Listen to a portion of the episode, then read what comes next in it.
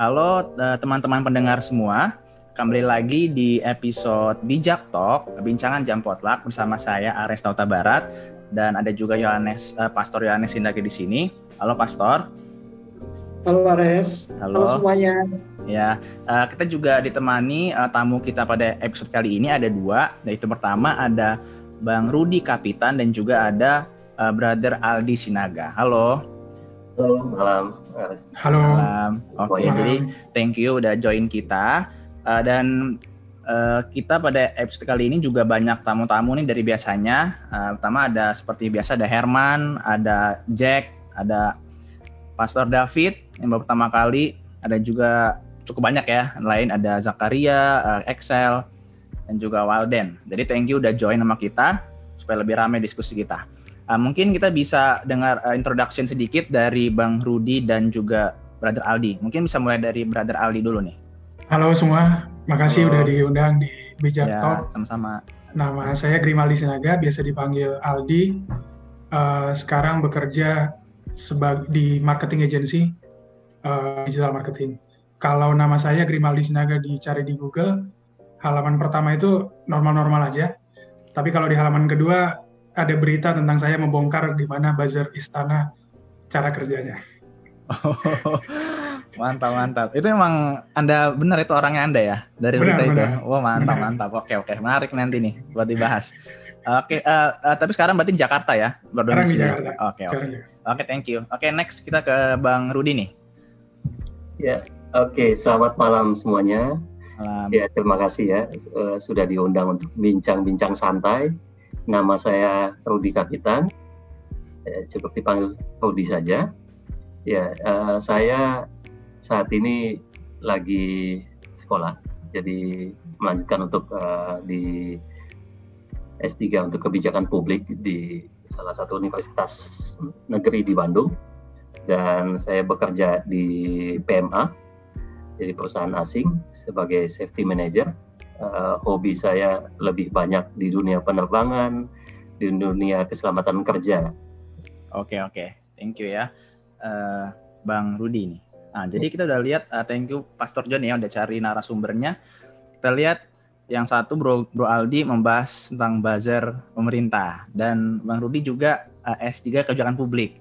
Nah, karena topik yang akan kita bahas pada kali ini itu kita membahas Presiden terhormat kita Bapak Jokowi Dodo. Nah, eh, episode lalu kan kita bahas politik US, sekarang kita akan bahas politik negeri kita sendiri, oke? Tapi untuk memperkecil eh, ruang diskusi, topik yang ingin lebih kita bahas itu perbandingan antara periode 1 dan periode 2 Jokowi. Karena kita suka dengar-dengar nih di periode kedua Jokowi lebih banyak kritik dan ada yang bilang apakah Pak Jokowi ini berubah karena sudah periode kedua. Nah, itu yang kita bahas eh, lebih dalam. Eh, mungkin pertanyaan pertama yang ingin gua lemparkan eh, Pak Jokowi ini eh, di- orang bilang katakan dia ini majalah Times mengatakan dia sebagai New Hope. Kalau gue merasakan dia mungkin dia punya energi-energi seperti Barack Obama di US, sesuatu yang baru. Eh, mungkin dari Bro Aldi dulu nih. Pada saat pertama kali kenal mendengar Pak Jokowi atau waktu Pak Jokowi pertama kali run untuk presiden, eh, apa pandangan Bro Aldi ini terhadap Pak Jokowi? Apakah positif, negatif, atau ada yang berbeda? Oke. Jadi kalau dari dari pandangan pandangan saya sebagai sebagai anak muda gitu ya, eh, positif banget sih kesan kesan pertamanya menurut saya Mu- mulai dari dia di Solo, terus dia naik ke Jakarta. Memang banyak gebrakan-gebrakan baru yang dia buat di di di level eh, kota dan provinsi di DKI Jakarta ya. Dia membawa perubahan birokrasi, dia eh, bisa merubah mindset PNS-PNS di Pemkot dan Pemprov gitu untuk lebih orientasinya ke pelayanan publik. Dan dia juga bisa kita bilang relatif bersih lah. Dan eh, ya cukup cukup membawa harapan yang baru. Tapi kalau dibilang eh, tadi Bro Aresta bilang eh, seperti Barack Obama ya menurut saya itu agak agak berlebihan juga sebenarnya. Soalnya kalau Barack Obama itu kan eh, dia memang udah lulusan Harvard kayak gitu kan. Udah memang dari muda juga memang udah udah lama di dunia politik. Sedangkan Jokowi kita lihat dia uh, sebenarnya tidak terlalu tidak terlalu secara pribadi dia tidak terlalu interest dengan dunia politik sebenarnya. Dia latar belakangnya pebisnis, terus uh, dia naik ke jadi wali kota Solo juga dia mengaku tidak punya ambisi politik kayak gitu. Nah, tapi dari dari sisi kesederhananya itu uh, ada jadi kedekatan ke ke masyarakat sih jadinya. Dan itu membawa hal yang baru karena biasanya uh, politik di Indonesia kan dikuasai oleh uh, memang orang-orang yang udah lama di politik atau misalnya dari orang tuanya juga memang sudah lama di politik atau pengusaha-pengusaha taipan-taipan yang memang menguasai politik dari sisi ekonomi tapi ada orang Jokowi yang orang seperti Jokowi maksud saya yang uh, biasa saja lumayan membawa harapan yang baru sih di awal dulu. Oke oke, thank you menarik ya. Saya uh, setuju juga sih. Yang saya rasakan juga pertama kali research Jokowi itu dengar-dengar dia di Gubernur Jakarta pertama saya dengarnya bukan pas di Solo. Saya cek-cek oh ternyata pebisnis dan juga yang menarik dia start dari ya lumayan start dari bottom lah ya dari Solo dulu ada bertahap gitu dia nggak langsung presiden atau langsung itu. Nah mungkin dari Bang Rudi nih apakah ada pandangan lain pertama kali uh, melihat Pak Jokowi gimana? Iya, Pak Jokowi. Kalau kita lihat awal mula itu kalau kita sebagai ya anak muda ya anak muda kalau lihat Pak Jokowi itu membumi, sifatnya dia membumi. Iya, jadi kalau kita mau lihat secara umum, kalau di media massa itu kan dia ya kelihatan muda, terus uh, ya bersih lah. Jadi tidak ada sesuatu yang seperti ya punya uh, punya jabatan apa yang tinggi sebelumnya ya santai saja maju tuh santai kebiasaan belusukannya itu masuk ke mana-mana ya sampai ke semua warga mulai yang dari yang paling bawah sekalipun warga miskin. Jadi orang senangnya lihat karena sifat membuminya itu. Jadi ya, dia melihat ke bawah gitu. Jadi sedangkan kita di Indonesia tuh bukan memang pemilih muda kan paling banyak. Jadi orang lebih suka yang gaya kepemimpinan uh, kepemimpinannya seperti itu. Jadi lebih uh, turun langsung ke lapangan. Jadi bukan ngebosi gitu. Jadi duduk di atas dengan kemampuan jari menunjuk menjadi anggota yang jalan. Tapi dia kan langsung datang berusukan ke mana-mana. Jadi kalau dari saya Pak Jokowi itu ya membuminya sifat membuminya itu. Oke, okay, thank you. Dari uh, Pastor David juga ada komen sifat merakyat Jokowi beda dari politisi biasanya. Um, juga sih, mungkin saya juga merasa begitu. Biasanya politisi itu jauh dari rakyat. Biasanya mereka tuh orang-orang elit, orang bilang gitu ya. Dan uh, saya sih kayaknya pertama kali deh melihat presiden dengan gaya seperti itu. Jadi, tapi saya nggak tahu apakah dulu uh, pernah ada presiden Indonesia atau pemimpin Indonesia yang gayanya kayak Jokowi. Udah ada belum ya? Kalau dari pengalaman kalian? Pak Gus Dur. Oke, Pak Gus Dur ya. Oke oke, benar sih ya. Oke, tapi ingin uh, Pak Jokowi mungkin lebih lebih muda, lebih aktif ya, lebih sering turun yeah. ke lapangan gitu ya istilahnya Betul. kalau Pak Jokowi ya. Oke yeah. oke. Uh, nah, lain selanjutnya kita akan bicara tentang uh, mungkin polisi. Uh, uh, gua nggak tahu seberapa banyak kita di sini mengikuti uh, polisi-polisi Jokowi.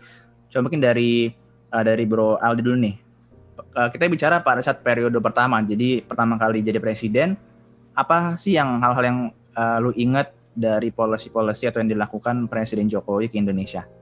Kalau secara secara polisi, jujur nggak ada yang terlalu terlalu terlalu memorable juga ya sebenarnya di di di periode pertama itu. Dia kan memang masih masih kelihatan masih masih meraba-raba kayak gitu juga karena dia pasti level provinsi dengan level negara beda kan uh, di jadi presiden dia harus ngatur 50-an menteri terus berurusan dengan 500-an anggota anggota DPR uh, eh, secara polisi jujur memang belum nggak ada yang yang memorable sih yang sampai sampai sekarang paling ya uh, kalau dari kebetulan suka ikutin berita ekonomi juga memang ada yang disebut paket-paket stimulus ekonomi itu yang di yang diluncurkan sama, uh, eh, sama Jokowi. Paling mungkin itu, tapi itu juga kan memang kebanyakan menyentuh uh, skala makro ya makroekonomi. Mungkin juga pengusaha-pengusaha besar nggak terlalu relate dengan uh, saya misalnya anak muda kelas menengah kayak gitu uh, nggak terlalu relate.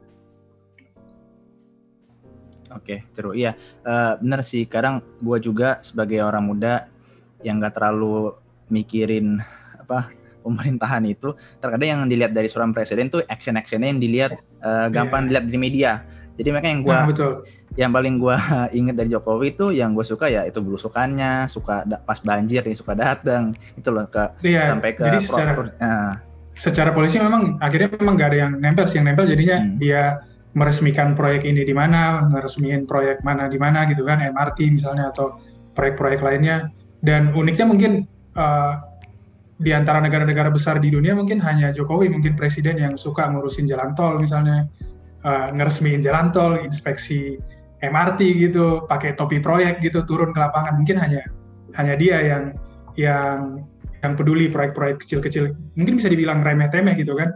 Ada menteri-menterinya harus yang bisa ngurusin itu tapi dia kita lihat memang ya sesuai latar belakangnya dari pengusaha pengusaha furnitur gitu dia memang lebih suka hal yang simple-simple dan nyata-nyata kayak gitu sih kalau aku lihat.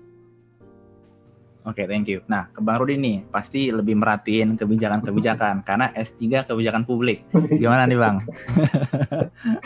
Iya, kalau Pak Jokowi di awal uh, masa pemerintahannya itu kan kita kenal dengan nawacita itu. Jadi nawacita itu kan sembilan uh, prioritas pembangunan lima tahun ke depan. Seorang presiden itu kalau mau memimpin kan pasti adalah seperti presiden-presiden sebelumnya itu kan kayak misalnya dulu Presiden Soeharto itu repelita kan rencana pembangunan lima tahun. Kalau Pak Jokowi itu punya punya nawacita itu. Jadi ada ada sembilan di sana. Jadi uh, di dari sembilan dari sembilan nawacita itu sebenarnya tujuannya tujuannya bagus semua dari se, dari setiap kandidat presiden pasti punya cita-cita yang sama ya membangun Indonesia yang sejahtera kemudian ya membangun bangsa dan negara yang lebih baik lagi dari yang sebelumnya kalau dari yang Pak Jokowi itu ya saya saya ambil contoh ya yang pertama itu dia pengen menghadirkan dan melindungi segenap bangsa. Itu jadi bahasanya uh, kalau nawacita ya kalau kayak visi misi lah kita visi misi. Seseorang itu kalau mau maju, jangankan presiden ya, ketua OSIS saja, kalau mau maju itu dia harus menunjukkan programnya apa, visi misinya apa.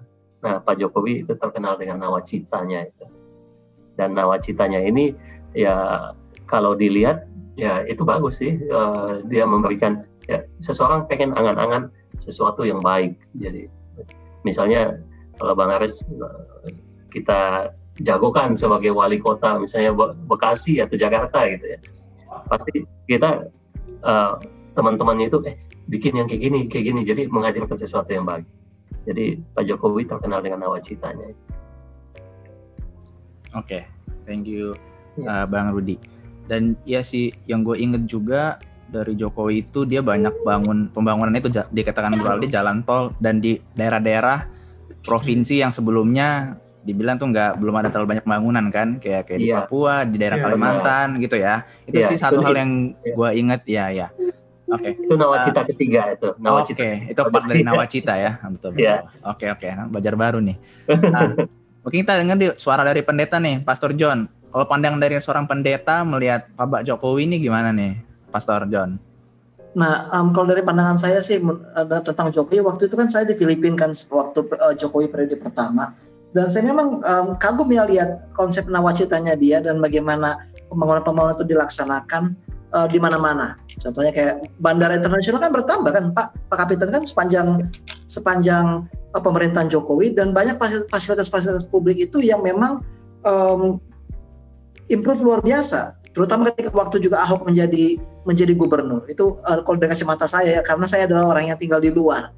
Um, dan memang waktu itu memang di awal-awal itu kayaknya media itu masih cenderung positif sama Jokowi. Saya nggak tahu ya tapi dari apa yang saya lihat di koran dan juga di um, di YouTube juga media-media di periode pertama itu cenderung di positif sama um, sama Jokowi. Itu kalau dari saya secara pribadi. Dan fakta bahwa dia itu bangkit dari uh, dari pegawai biasa tanpa ikatan oligarki itu itu luar biasa. Itu sama, itu.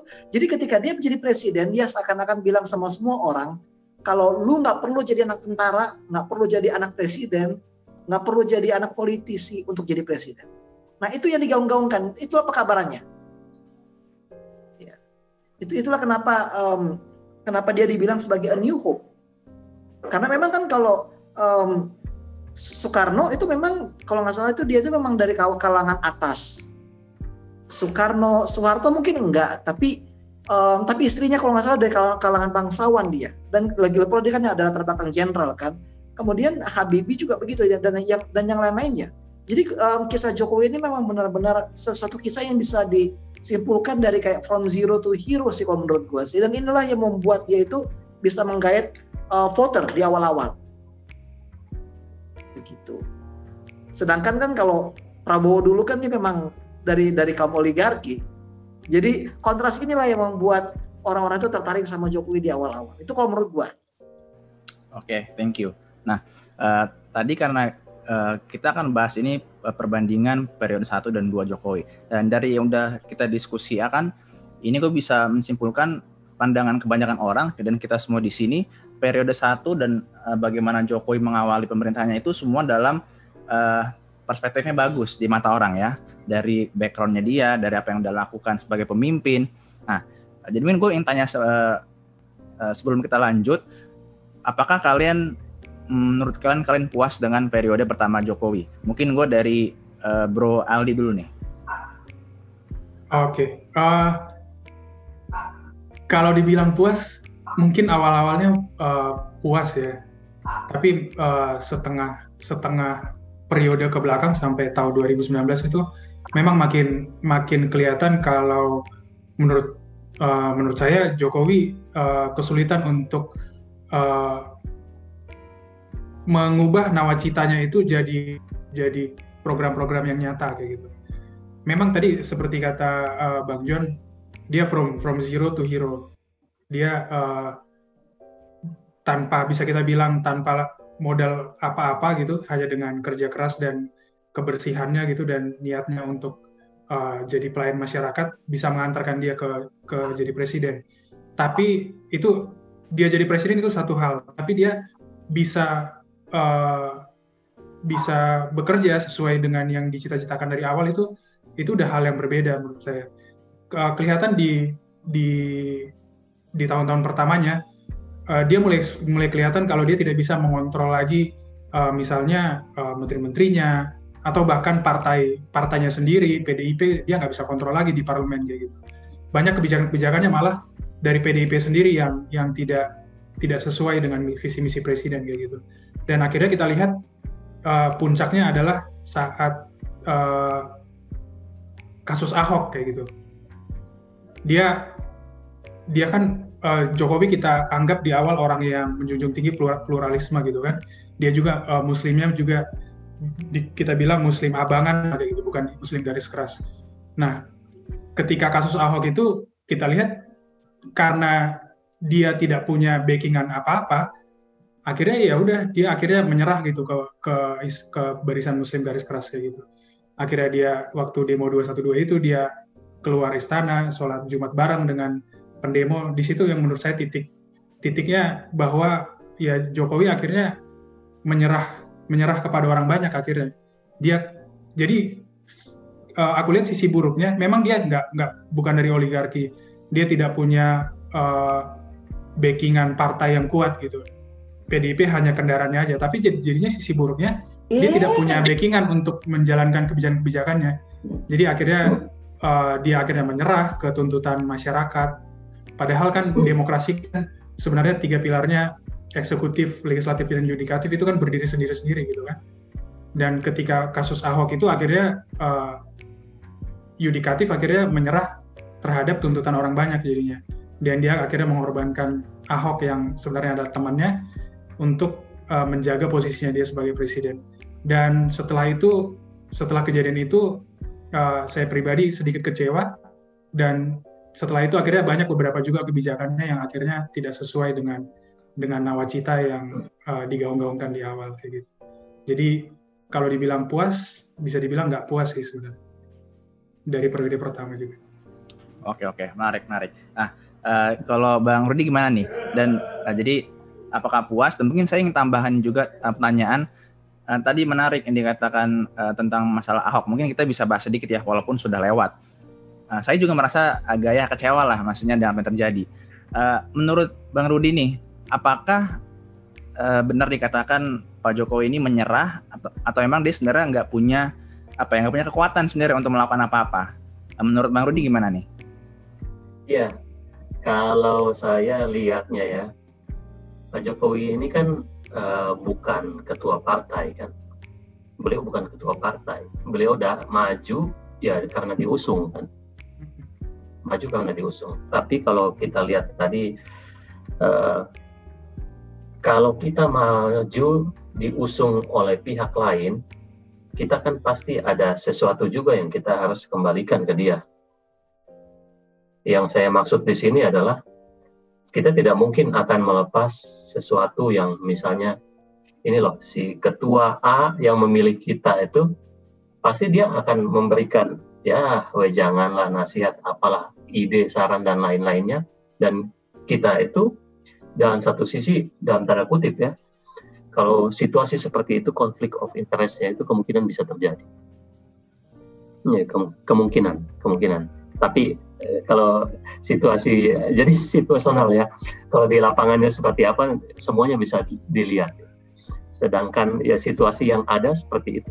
Kalau maju secara diusung itu pasti kita akan ya istilahnya wajib lapor lah gitu. Istilah wajib lapor. Ya seperti kasus-kasus yang sebelumnya.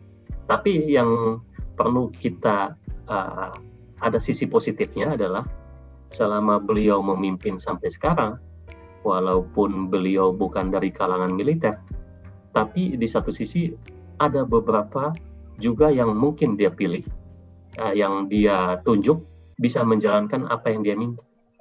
Sebagai contoh, dari sisi sistem keamanan dan pertahanan, saya kecil hidup di daerah konflik.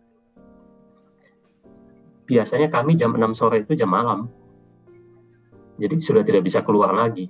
Nah, situasinya kita Indonesia saat ini kan tidak seperti itu kan. Secara garis besarnya uh, sistem keamanan pertahanan tuh masih dalam batas-batas normal lah. Ya, jadi kita kita masih ya dalam status aman lah. Itu yang pertama. Ya tanpa disadari kita juga sebenarnya harus ikut dengan filosofi kuno itu civis pacem parabellum. Jadi kalau kita mendambakan perdamaian harus bersiap-siap menghadapi perang. Untuk saat ini sih kekuatan militer Indonesia ya, ya masih uh, beliau melanjutkan dari presiden-presiden sebelumnya ya masih cukup lah, masih kuat lah gitu. Itu yang pertama dari sisi keamanan. Kalau yang kedua itu ya kestabilan harga untuk bahan pokok lah ya.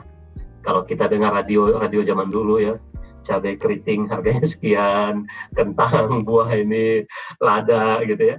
Ya masih dalam batas orang mampu beli lah di tempat-tempat lain kan ya mohon maaf aja mungkin ya, tidak bisa dibeli ya. itu yang yang utama tuh ya, lebih ke bahan pokok yang ketiga tuh kalau kita lihat situasinya adalah ada kebijakan eh, bahan BBM satu harga ya BBM satu harga tuh ya ya saya saya belum mencapai tempat yang seperti di Papua mungkin di Ambon tapi uh, saya pertama uh, ditugaskan di tempat-tempat terpencil di Sumatera dan Kalimantan dan ya memang sebelum-sebelumnya itu memang harga bahan bakar minyak tuh lumayan ya siap ya. Jadi uh, itu juga salah satu ya masih bisa dijaga lah. Itu yang penting masih bisa dijaga. Kemudian yang keempat itu yang terakhir dari sisi uh, membuka membuka uh, daerah terluar tadi Ya, jadi masih ya, dulu-dulu itu presiden-presiden sebelumnya sudah sudah membangun juga sama, membangun pos-pos perbatasan. Seperti dulu saya di Timur Timur, kita punya pos perbatasan di uh, setelah Atambua itu ada yang namanya Batu Gede. Batu Gede itu dulu tempat uh, dari penjajahan mulai dari uh, Jepang, Portugis sampai Belanda itu ada ada tempat khusus lah. Jadi tempat-tempat uh, yang luar itu uh, sejak sejak uh, periode uh, presiden yang sebelum-sebelumnya juga sudah mulai dibuka dan Pak Jokowi melanjutkan itu apa yang sudah dilakukan oleh presiden-presiden sebelumnya. Jadi itu yang penting empat poin dari saya tuh yang uh, supaya ya kestabilan ekonomi jalan empat poin itu penting sih. Oke, okay. thank you Bang Rudi. Nah uh, mungkin terakhir nih untuk saya ingin dengar dari Pastor David nih, pendeta yang juga banyak ngikutin politik, setahu saya nih. Gimana nih Mandan uh, tentang periode satu dulu nih, periode satu Pak, Pak Jokowi menurut Pastor David? Sebelum kita lanjut ke periode kedua. Padahal saya hanya ingin mendengar loh. Tapi terima kasih banyak. Gak boleh. Dan salam kenal Bang Rudi Kapitan. Ya. Terima kasih uh, atas kesempatannya dan juga Pastor Yohanes, uh, Aresta dan juga rekan-rekan sekalian. Saya termasuk pendukung Jokowi, tapi semakin hari saya semakin objektif melihat kepemimpinan beliau. Dan sebagai pendeta saya tidak bisa endorse beliau. Karena saya uh, meyakini profesi saya, tapi saya tetap uh, semakin hari semakin mengevaluasi juga apa yang menjadi keputusan dari pemerintahannya, administrasinya. Um, dari periode pertama, kalau saya melihat, memang ada yang positif, ada yang negatif. Semua pemerintahan pasti ada sisi gelapnya, sisi kekurangannya. Dan fakta yang menarik memang dia tidak cukup banyak meraup suara pada kemenangan di periode kedua. Hanya selisih 1 sampai 2 persen menandakan bahwa memang dia tidak banyak menggait suara yang di luar dari kemenangan dia periode pertama. Mengingat juga lawannya sama dan isunya kurang lebih juga hampir sama dimainkan. Isu agama, lalu kemudian isu SARA yang juga bisa uh, kurang lebih mengganggu. Tapi saya lebih menarik untuk mendengar dari uh, Bang Rudi dan juga mungkin dari Grimaldi di sini mengenai kebijakan publiknya. Uh, karena di bagian politik, saya rasa cukup sulit untuk kita mengukur kapasitas Jokowi yang bukan ketua umum partai, bukan seorang yang dari uh, latar belakang borjuis, bukan dari yang memiliki kemapanan, eh, bukan bagian dari politik, bukan dari bagian elit politik. Uh, tetapi saya meyakini apa yang dituliskan oleh majalah Time, a new hope. Maybe it's not really new and it's not really a big new hope, but slightly. Mungkin uh, minimal ada sedikit hope yang bisa kita lihat. Karena uh, yang saya bisa komentari sampai saat ini, ada harapan setelah 2024 sistem politik kita akan sedikit lebih baik dari 10 tahun ke belakang atau mungkin 20 tahun ke belakang. Saya tidak tahu kalau uh, Bang Rudi akan setuju atau rekan-rekan uh, sekalian akan setuju, tapi saya melihat dari keterpilihannya Jokowi selama minimal 10 tahun ini atau bahkan lima uh, tahun lahir pemimpin-pemimpin baru. Dan dimulai dari Jokowi Ahok di DKI, uh, eh, saya rasa saya dan Pak Sorjon juga sempat sepakat waktu itu kalau kita melihat uh, peta politik di kacamata orang Advent itu berbeda semenjak Jokowi Ahok terpilih. Dan kacamata politik dari uh, bagian general juga landscape-nya berubah. Pemimpin lebih merakyat, pemimpin dituntut lebih transparan, dan seterusnya. Jadi tetap ada harapan, tapi walaupun itu tidak seperti membalikan telapak tangan, tentu masih ada banyak isu-isu yang perlu untuk di, diselesaikan dari pemerintahan Jokowi. Tapi saya tadi tertarik me, mendengar isu tentang Ahok. Tadi Aldi coba uh, angkat juga isu ini. Bisa kita lihat dari kacamata hitam putih. Itu kompleks sekali, sangat kompleks. Kalau Jokowi salah memutuskan, bisa saja nasibnya seperti Gus Dur. Dia tidak akan bertahan lama.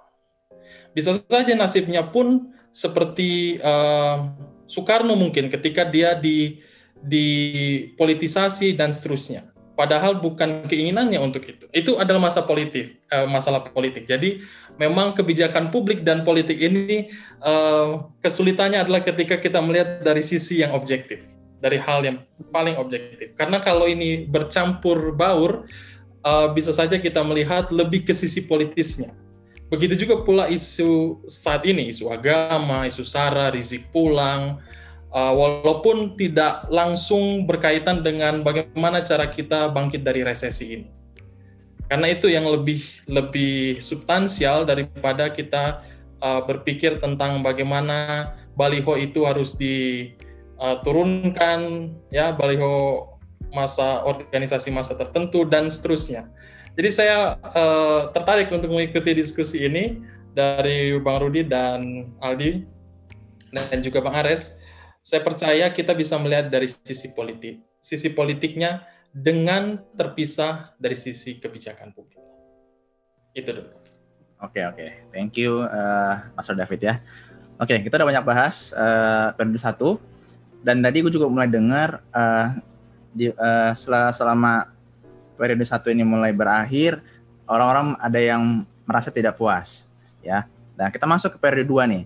Uh, gue nggak terlalu ngikutin kembali, tetapi yang berita-berita yang sering gue dengar uh, akhir-akhir ini itu demo di Indonesia.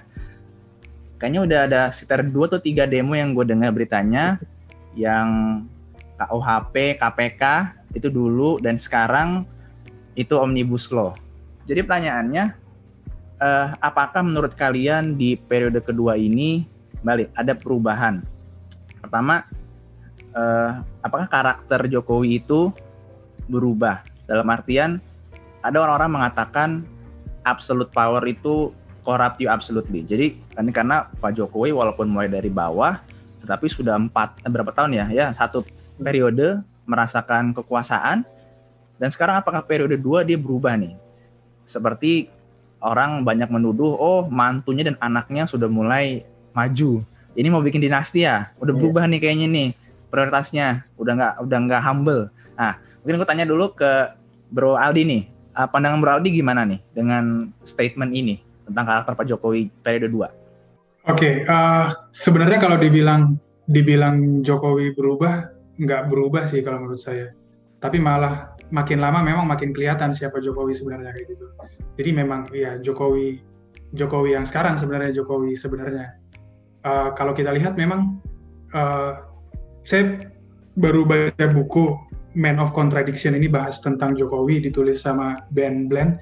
Dia uh, mantan koresponden Financial Times di Indonesia. Dia sekarang udah di Indonesia lagi. Jadi judulnya Man, Man of Contradiction. Jadi memang Jokowi ini uh, banyak kontradiksinya kayak gitu. Di awal kita lihat uh, dia mengatakan tidak tidak tidak ambisius kayak gitu, tapi ternyata sekarang misalnya malah anak-anaknya kita nggak tahu ya siap itu didorong oleh Jokowi apa keinginan mereka sendiri kayak gitu. Hmm. Tapi kelihatan mau membangun dinasti kayak gitu. Terus uh, Jokowi kita harapkan membawa demokrasi yang lebih sehat gitu. Tapi ternyata misalnya banyak pengkritik pengkritik pengkritiknya malah dibungkam kayak gitu. Uh, memang banyak banyak banyak kontradiksi kontradiksi yang di yang akhirnya kelihatan makin jelas, terutama di periode kedua ini. Yang paling terakhir yaitu yang misalnya sebelum omnibus law KPK itu kita anggap Jokowi membawa uh, angin segar untuk pemberantasan korupsi gitu kan di Indonesia. Dia orang yang bersih kayak gitu. Dan uh, menurut kita juga sebagai orang awam ya cuma KPK lah lembaga negara yang terakhir yang bisa dipercaya gitu kan. Dan udah itu lembaga terakhir terus di, dilemahkan lagi sama uh, pemerintahan uh, Pak Jokowi jadi memang uh, kembali tadi yang saya yang saya katakan di awal di periode ke satu dia uh, kelihatan memang kalau menurut saya uh, kurang mampu untuk uh, menguasai elit-elit politik di periode kedua ini makin kelihatan kalau dia memang uh, memang tidak tidak berdaya lagi kayak gitu. Tapi di bukunya Man of Contradiction ini juga kita diajak untuk berpikir dari sisi Jokowi sebagai uh, pengusaha furnitur gitu cuma 9 tahun butuh dia dari 2005 jadi wali kota Solo untuk ke 2014 jadi presiden Indonesia kayak gitu. Uh, nggak mungkin dalam 9 tahun ada ada orang yang bisa langsung berubah berubah banget kayak gitu kan. Jadi kalau kita lihat dari dari dia di Solo juga memang dia uh, gaya berpolitiknya memang politik yang praktis-praktis saja. Kalau menurut si Ben Bland ini nanti mungkin uh, Pak Rudi bisa bisa tanggapin juga ya. Jokowi sebenarnya nggak punya nggak punya grand grand design kebijakan kebijakan publiknya. Dia nggak punya grand design politiknya. Tapi ini juga sebenarnya buah dari gaya politik Indonesia juga sih. Saya nggak tahu di podcast sebelumnya bahas politik US gitu kan. Kalau politik di Amerika jelas gitu. Demokrat uh, aliran politiknya apa kebijakan-kebijakannya juga udah ketebak lagi gitu. Republikan juga udah ketebak kayak gitu. Sedangkan di Indonesia misalnya partai-partai nasionalisnya juga nggak nasionalis juga misalnya. Partai-partai Islamnya juga malah kampanyenya misalnya PKS yang kita bilang partai Islam kampanyenya dulu untuk membebaskan pajak motor kayak gitu yang yang atau SIM seumur hidup yang nggak ada hubungannya sama ideologi ideologi Islam mereka gitu. Jadi memang politik di Indonesia dan demokrasi di Indonesia masih sebatas kalau menurut saya ya transaksional aja kayak gitu.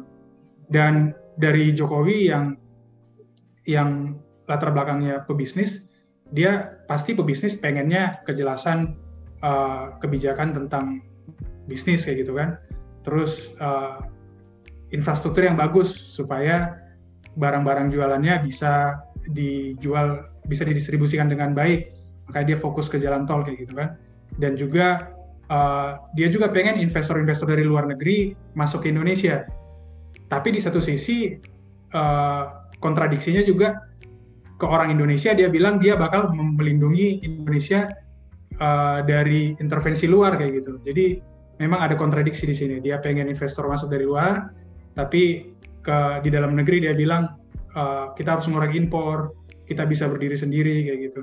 Jadi di periode kedua ini memang makin kelihatan kalau Jokowi ya udah hanya mau yang uh, praktis-praktis gimana kebijakannya dapat di dijalankan dengan cepat uh, bisa langsung dilihat gitu hasilnya. Makanya juga uh, kalau kita lihat proyek-proyek infrastruktur juga yang jalankan pasti BUMN karena lebih gampang jalan lebih gampang selesai. Harusnya dia kan juga kalau memang mau ekonomi yang lebih bebas, lebih tumbuh, ya udah dibebaskan aja. Mau siapa yang ambil proyeknya juga nggak masalah gitu. Tapi dia menggunakan BUMN BUMN.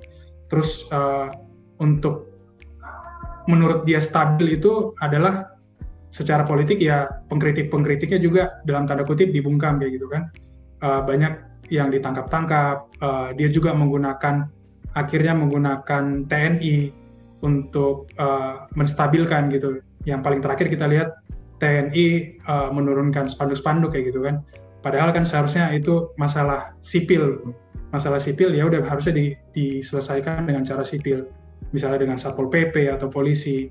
Tapi dia menggunakan cara-cara gimana supaya cepat. Padahal ini ber, menurut saya bertentangan dengan prinsip-prinsip demokrasi kayak gitu kan. Dan juga di periode kedua ini yang agak panjang nggak apa ya yang uh, menurut saya tidak sesuai dengan prinsip demokrasi juga bagaimana dia uh, memasukkan Prabowo juga ke kabinetnya salah satu yang penting di demokrasi itu kan juga ada oposisi yang sehat juga kan. Jadi dengan dia uh, merangkul merangkul uh, semuanya memang kelihatannya damai aman kayak gitu. Tapi memang uh, malah kelihatan seperti zaman Soeharto dulu jadinya. Dia semua di di di parlemen mendukung Jokowi, media-media juga akhirnya semua mendukung Jokowi. Uh, Haritanu yang sebelumnya oposisi dari Jokowi, tapi karena ada kasusnya, dia akhirnya mendekat ke Jokowi, kasusnya aman kayak gitu. Nah ini sih jadi kalau dia Jokowi uh, bercita-cita untuk memberikan kepastian hukum supaya pebisnis uh, mau masuk ke Indonesia, tapi ternyata di satu sisi dia juga menunjukkan gimana kalau hukum di Indonesia ini bisa diatur kayak gitu kan. Jadi makin kelihatan kalau menurut saya periode kedua ini memang makin kelihatan Jokowi seperti apa aslinya dan uh, memang ya kalau dibilang dibandingkan dengan Soeharto dia dia bukan Soeharto juga kayak gitu kan. Dia masih bisa kita bilang jauh lebih bersih lah dibanding Soeharto. Tapi memang uh, karena dia tidak punya grand design juga tentang kebijakan-kebijakannya akhirnya jadinya dia menggunakan berbagai cara gitu untuk uh, supaya ada legasinya lah di periode kedua ini. Dan dia juga yang saya masih ingat dia bilang periode kedua dia nggak ada beban kayak gitu kan. Nah belum ada kelihatannya tuh uh, apa uh, artinya nggak ada beban itu.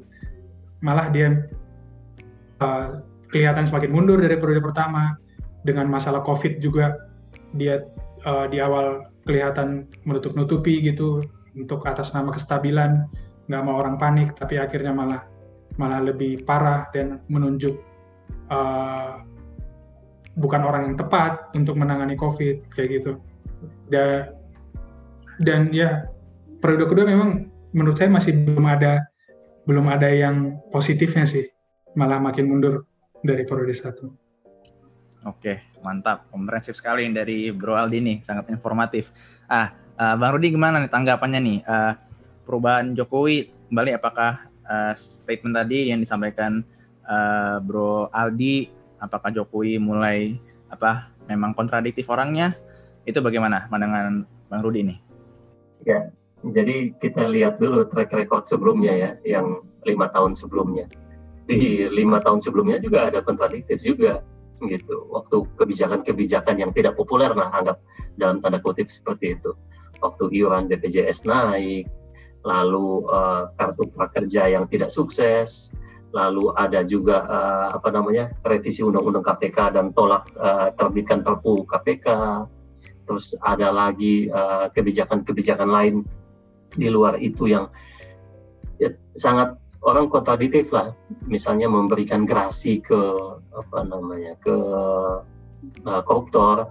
Lalu ada lagi yang orang sangat tidak tidak suka itu penunjukan sejumlah menteri tadi Bro Aldi sudah sudah jelaskan menunjuk orang yang tidak tepat itu penunjukan sejumlah menteri, wakil menteri dan staf khusus. Itu kan heboh banget tuh waktu di awal.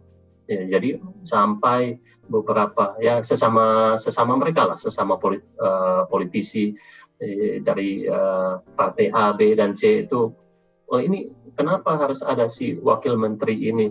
Kompetensinya apa gitu. Terus staf khusus staf khusus ini kompetensinya apa? Habis habiskan uh, apa namanya uang uang uang rakyat saja gitu dengan tidak ada sesuatu yang yang bagus lah. Jadi jadi itulah kontradiktif di awal. Nah, kalau yang kedua ini yang tadi Mbak Adi sampaikan, ya itu uh, sudah tidak ada beban lagi ya. Jadi ya nothing tulus lah. Yang penting gue kerja gitu. Sebenarnya uh, bukan kayak gitu juga kali. Jadi kita itu contohnya ya, saya ingin mendapatkan satu posisi pekerjaan, misalnya menjadi direktur dari salah satu perusahaan uh, di Indonesia si ownernya juga pada saat owner ini anggap saja rakyat ya. Jadi perusahaan owner ini juga pasti menginginkan sesuatu yang wah gitu kita bisa lakukan ke perusahaan itu misalnya selama tiga tahun eh, setiap tahun terus eh, selama lima tahun nanti masa kepemimpinannya kita membuat sesuatu yang kira-kira profit nggak nanti buat si perusahaannya buat si karyawannya lalu uh, perusahaannya ini bisa bisa bagus lah kalau bila perlu dalam tanda kutip meroket gitu. meroket ini yang jadi jadi viral banget sampai sekarang ya. Meroketnya belum belum sempat eh, belum sempat meroket katanya. Jadi ya jadi uh, yang disampaikan Bro Aldi tadi benar ya.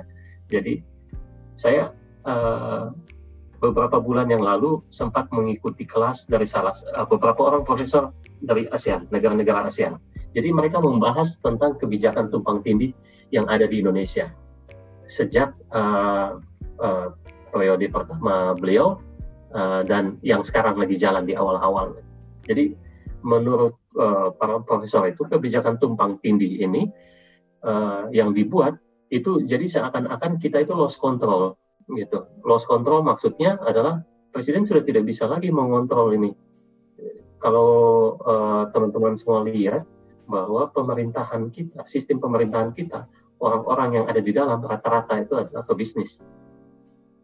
Nah, masuk dari kalimat pebisnis ini, uh, menurut uh, para profesor itu susah bagi beliau untuk uh, memberikan cita-cita. Misalnya cita-citanya Pak Jokowi ini baik niatnya, niatnya baik. Di akhir masa kepemimpinan saya, saya ingin membuat sesuatu lah yang bagus, yang bisa tercatat di sejarah Indonesia saya itu ya memang memang betul-betul pro rakyat gitu. Jadi eh, tetapi jangan lupa bahwa beliau naik itu dibantu oleh orang lain loh. Dibantu oleh orang lain dan dana yang keluar juga tidak sedikit itu orang-orang yang ada di belakang beliau. Nah, kalau dana yang keluar tidak sedikit itu kembali lagi dalam tanda kutip tadi bahwa Aldi bilang feedbacknya apa nih kan gue udah bantu nih. Gue udah bantu. Eh, sisa masa pemerintahanmu apa yang lu bisa kasih ke gue gitu. gitu. Nah seperti contoh yang tadi yang Bro Ali sampaikan. Di pembangunan-pembangunan ya jalan tol apa semua itu ya.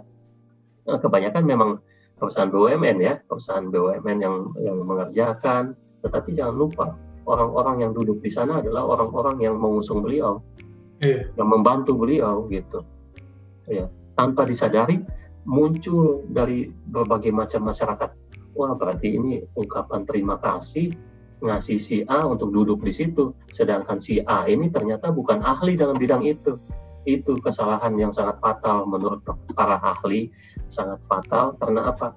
Ketika kita menempatkan orang orang yang salah di apa ya? Orang yang salah di posisi yang benar ya. Jadi uh, itu dampaknya nanti sangat membahayakan dia. Kecuali kalau dia bisa mempertanggungjawabkan bahwa si A ini memang ahli dalam bidang itu. Kita mau menempatkan seseorang di posisi tertentu, itu kan harusnya fit dan proper testnya harus berlapis-lapis. Kita tidak mau departemen itu atau kementerian itu atau uh, badan usaha milik negara ini sampai kolaps gitu. Seperti contohnya uh, Garuda ya, Garuda, PLN, uh, eh, Pertamina. Itu kan Eh, di ya media massa sudah mengumumkan. Kok atau tol ya. Tol tiap hari terima duit kok. Bangkrut uh, rugi gitu. Rugi. Nah tol terima uang rugi. Lalu PLN rugi. Pertamina rugi. Garuda rugi. Apa yang salah di sana? Nah, itu jadi pertanyaan masyarakat kan kayak gitu. Ya apa yang salah di sana? Apakah salah dari sisi kebijakannya atau resource-nya yang masuk ke sana SDM SDM-nya memang bukan ahli dalam bidang itu? Ya memang uh, serba salah ya uh, menjadi seorang yang di apa ya New Hope tadi ya uh, David New Hope. Kita memberikan harapan kepada seseorang itu kita berharap bahwa orang itu membawa sesuatu yang baru sesuatu yang bagus kan tapi di satu sisi dia juga ya pasti ya kalau dari sisi kebijakan publik itu masuknya nanti ke uh, of interest. Sedangkan kalau di kebijakan publik itu kita mau membuat suatu kebijakan itu ada tahap-tahap proses pembuatan kebijakan publik. Yang pertama itu kan penyusunan agenda. Kita harus susun dulu agendanya selama saya memimpin ini kebijakan publik apa ini yang mau saya lakukan yang pro rakyat. Terus nanti kalau sudah disusun Nanti kita formulasi kebijakannya, minta pendapat dari para ahli. Jangan ambil keputusan, eh si A saya tempatkan di sini karena like like dislike.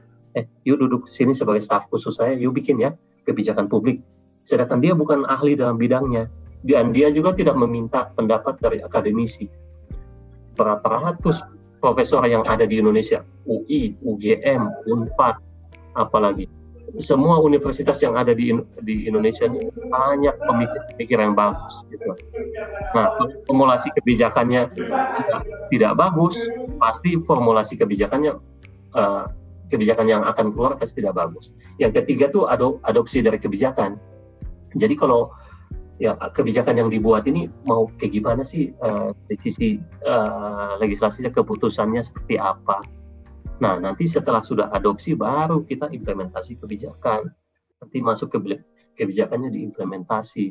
Ini jalan seperti apa nanti adalah badan badan audit lah. Kita kan ada BPK ya, Badan Pemeriksa Keuangan Jalan. Ini bagus kan ini. Jadi tim auditornya, jadi penunjukannya itu dia harus independen. Dia tidak boleh berpihak ke partai A, partai B, partai C, tapi dia harus independen si auditornya. Nanti muncullah penilaian kebijakan itu apa kebijakan yang dibuat ini sukses atau tidak. Kan pernah tuh mau naikkan mau naikkan BBM hari ini naikkan BBM kebijakannya dibuat. Eh berapa jam kemudian langsung dibatalkan semua. Itu, itu itu kan sesuatu yang membahayakan.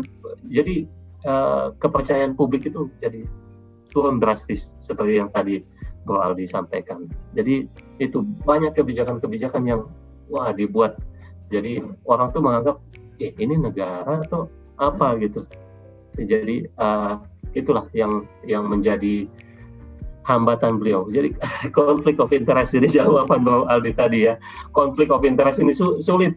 Seseorang memimpin kalau dibantu dari seperti itu pasti konflik of interest akan terjadi. Kata para ahli. Jadi seperti itu. Oke, silakan. Oke oke, menarik. Thank you uh, Bang Budi ya, konflik of interest. Uh, oke, okay. uh, saya juga ingin minta pendapat nih uh, Pastor Sarwedi Nainggolan ingin menambahkan. Uh, bisa tanggapannya Pastor Sarwedi ini mengenai yang kita bahas? Ya, oke. Okay. Uh, tadi sudah banyak dibahas tentang konflik interest. Saya pikir ya itu sudah rahasia umum lah soal itu ya. Karena memang tidak bisa dipungkiri hutan rimbanya pemerintahan itu, hutan rimbanya politik itu, ya itu tidak uh, bisa dilukiskan lah oleh kita kita yang tidak berkecimpung di dalam situ karena karena memang pasti dinamikanya sangat berat dan dalam itu. Tetapi yang membuat uh, Jokowi ini berbeda sebenarnya adalah uh, yang pertama momentum dia untuk muncul. Di momen waktu dia mau muncul itu, ini saya bahas antara yang tadi bahas periode satu dan periode kedua ini ya. Waktu dia momentum waktu dia mau muncul itu memang transisi di mana media sudah mulai uh, menjadi hal yang yang utama dalam lingkungan orang Indonesia.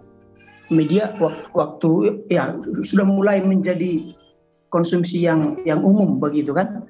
Akhirnya ya itu menjadi menjadi sarana dia untuk muncul. Nah, di saat yang sama eh, selain transisi antara antara masifnya media itu di saat yang sama memang rakyat Indonesia uh, berada dalam bisa kita bilang lah sudah apatis terhadap uh, apa namanya pemerintahan yang ya, bisa disebut dinasti atau seperti apalah itu uh, birokrat yang ada begitu ya ada apatis lah begitu ya, sudah hopeless. Jadi ketika dilihat ini ini sepertinya datang dari kita.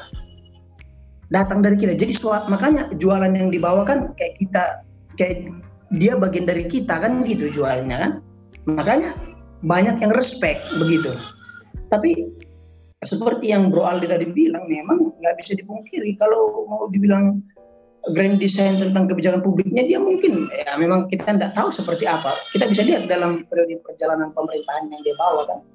Nah hanya kenapa kita jadi merasa seperti gagal begitu terhadap Jokowi? Sebenarnya banyak aja hal yang bagus yang dia capai. Pada prinsipnya kalau kita lihat juga oh dia termasuk orang yang tanda petik keras kepala ya. Bisa batu juga. Kita tahu itu kasus papa minta saham ya kan? Kita tahu itu kasus uh, Budi Gunawan yang tidak jadi Kapolri kan gitu kan? Itu kan ngeri juga itu permainannya. Tapi uh, kenapa dia saya di hal-hal tertentu dia memang ya kasih kendor tidak masalah yang tentu kita tidak bisa pungkiri semua pasti uh, suka yang namanya yang ya, harumnya harumnya kekuasaan itu kan begitu kan? Jadi tidak mungkin dia dia uh, seperti yang kita bayangkan. Yang masalahnya adalah ekspektasi kita sudah terlalu besar terhadap datangnya dia. Kan gitu ekspektasi kita sangat besar terhadap dia karena ini akan membawa arah baru Indonesia kita akan membuat begini-begini. Sebenarnya jadi seolah-olah apa yang dia capai yang yang tadi sebenarnya sudah lebih baik dari yang sebelumnya pun seperti tidak jadi apa-apanya karena ekspektasi kita memang melampaui itu. Sebagaimana yang digaungkan oleh dia dalam nawacitanya dalam uh, narasinya. Coba contohnya di masuk periode kedua ini dia bilang tanpa beban tapi buktinya ketika melantik menteri-menterinya itu dia bilang, mohon maaf ya, hanya batasnya cuma karena kursinya cuma 34. Berarti ada beban dong. kan dia dia sebenarnya ya, jadi seperti Bro Ali tadi memang dia sebenarnya begitu mungkin modelnya dia hanya dia pandai menggunakan uh, apa namanya momentum dan juga uh, menggunakan sarana untuk mencapai itu kita tidak bisa pungkiri uh, soal konflik interest sudah sudah dibahas dari tadi, tapi kita tidak bisa pungkiri bahwa dia itu memang sudah berada di lingkaran kekuasaan itu kan gitu. Saya saya ingat statement dari dosen kami dulu Pak Pendeta Joni Rantung itu disebutkan ini bicara sedikit di luar konteks politik ya, tetapi ada saya pikir uh, nuansa yang sama. Disebutkan begini, kalau kalian tamat nanti, uh, tetaplah kalian jadi pelayan Tuhan, jadi pendeta katanya. Disebutkan statement ini, saya tidak pernah lupa statement ini. Waktu uh, kalian ada di depan toilet, bau WC itu sangat tercium karena kalian masih di luar dan kalian sangat menghindari itu WC katanya. Tapi begitu kalian masuk di dalam WC itu, kalian duduk di situ buang hajat, dan kalian sudah nikmati itu dan tidak bayangkan itu lagi bau bau pesing itu katanya begitu. Sudah tidak kalian rasakan lagi bau toilet itu katanya, karena sudah di dalam dan kalian sudah nikmati dan gunakan itu katanya begitu. Jadi saya pikir konsepnya prinsipnya sama kan begitu kan? prinsipnya sama kira-kira begitu. Jadi ya walaupun dia mungkin se seperti saya sampaikan tadi dia punya pendirian yang teguh, tetapi ada sisi-sisi tertentu yang dia kendur di hal-hal itu. Karena apa? Ya bisa di, di, diakui seperti tadi, memang dia tidak punya bayangan untuk untuk implementasi yang detail dari uh, dia punya program yang besar nawacita nawacita tadi. Itu sebabnya tidak heran ketika mengangkat orang-orang yang tadi disebutkan oleh uh, Pak Rudi itu mengangkat orang-orangnya pun kan jadi berdasarkan dari interest aja betapa banyaknya orang-orang hebat di bidang-bidang tertentu di Indonesia ini. Kan begitu. Ya mungkin begitu aja dulu mungkin. Tapi prinsipnya ini pelajaran buat kita kan karena nggak bisa kita pungkiri supaya jangan terlalu menaruh ekspektasi terlalu besar. Karena yang namanya politik itu ya yang namanya hutan rimba, bagaimana kita bisa mengukur hutan rimba? Kira-kira begitu. Oke, okay, thank you Pastor Sarwedi Nenggolan. Menarik ya. Jadi ya kita harus punya cara pandangnya tuh lebih inilah ya, lebih lebih luas, lebih kompleks. Politik itu nggak sesimpel saya orang baik harus dibuat baik. Padahal banyak hal-hal di di layar. Nah, ini saya ingin bahas sedikit lagi ini kan periode 2 tentang uh, beberapa kebijakan kembali kebijakan uh, periode yang baru-baru ini. Mungkin kita persempit aja hal-hal yang banyak uh, di media nih, seperti uh, yang saya sering lihat di berita tentang omnibus law dan penanganan COVID. Nah mungkin karena saya kan di di Manila, jadi saya nggak merasakan banget nih bagaimana sih penanganan pemerintahan Jokowi di Indonesia. Jadi mungkin kembali lagi ke Bro Aldi nih Gimana pengalaman Bro Aldi menanggapi penanganan pemerintahan Indonesia tentang COVID ini? Karena banyak kritik-kritik mengatakan nggak puas menyalahkan ke pemerintah. Bagaimana nih? COVID apa Omnibus Law dulu nih? Uh, Oke, okay. uh, eh, enak ke mana ya? Omnibus Law dulu yang apa deh? Omnibus Law dulu. Ya, siap. Nah, kalau soal Omnibus Law, uh, saya pengen ngutip yang kata uh, Pak Rudi tadi sih. Ada banyak tahapan-tahapan untuk membuat sebuah kebijakan publik gitu kan dan omnibus law ini bukan kebijakan publik yang biasa-biasa aja, bukan undang-undang yang biasa. Ini undang-undang yang menggabungkan uh, ribuan pasal kayak gitu kan jadi satu jadi satu undang-undang dan banyak juga undang-undang sebelumnya yang digantikan dengan undang-undang omnibus law ini. Dan ini juga meng, uh, mencakup hajat hidup orang banyak kayak gitu kan dari orang kecil sampai pengusaha besar uh, berefek semua dari omnibus law ini. Dan kalau kita lihat memang jelas-jelas uh, di periode pertama juga banyak peraturan-peraturan atau undang-undang yang memang kelihatannya dipaksa cepat gitu sama Jokowi uh, memotong banyak prosedur. Tapi di omnibus law ini yang paling yang paling jelas kita lihat banyak prosedur yang yang nggak jelas kayak gitu. Tidak ada tidak ada uh, disampaikan ke publik terlebih dahulu draftnya juga kalau kita lihat tinjauan akademiknya juga uh, seperti asal-asalan kayak gitu dan juga dipaksa harus harus harus selesai ada deadline-nya gitu. Padahal kebijakan publik itu bukan bukan uh, mementingkan deadline gitu kan. Yang penting kualitasnya kayak gitu karena me meng mengatur hajat hidup orang banyak. Nah ini juga kita lihat salah satu keras kepalaannya Jokowi memang. Dia bagaimana dia kalau mau pengen A ya udah harus A dengan secepat-cepatnya. Kalau di buku yang saya saya baca uh, dia penulisnya menginterview beberapa orang dekatnya Jokowi. Jadi memang beberapa orang-orang dekat Jokowi ini bilang memang Jokowi memang uh, kadang nggak mau dengar gitu advisor-advisornya. Dia sudah mau A, ya udah harus jalan A. dan memang akhirnya orang-orang yang militer lah yang cocok dengan gaya kayak gitu makanya kalau kita lihat uh, orang-orang di sekitarnya dia banyak menarik orang-orang yang berlatar belakang militer yang memang terbiasa untuk menjalankan misi secara tepat dan cepat kayak gitu uh, walaupun mengorbankan banyak prinsip-prinsip demokrasi. Jadi itu satu dia sudah uh, melanggar banyak prosedur untuk omnibus law. Dan yang kedua masalah covid. Jadi balik lagi ke latar belakang dia sebagai sebagai pengusaha kayak gitu. Uh, ketidakpastian ini ini paling paling ditakuti sama pengusaha gitu kan. Ketidakpastian karena pandemi karena kebijakan publik. Jadi uh, apalagi dengan pandemi ini banyak dia cara berpikirnya memang sebagai cara berpikir pengusaha aja. Saya bulan saya punya barang dagangan gimana barang dagangan supaya saya supaya laku kayak gitu. Dan karena ada covid ini ya barang dagangannya nggak bisa laku karena covid kayak gitu kan. Dia masih menggunakan cara berpikir itu. Makanya dia uh, kalau kita lihat dari awal Pak, dia keli uh, kelihatan sekali untuk uh, gimana cara menyelamatkan ekonomi duluan, masalah uh, penyakitnya belakangan. Nah itu sih yang yang saya lihat uh, bagaimana dia menghadapi COVID ini. Dia tidak tidak mendengarkan pendapat-pendapat para uh, epidemiolog kayak gitu kan.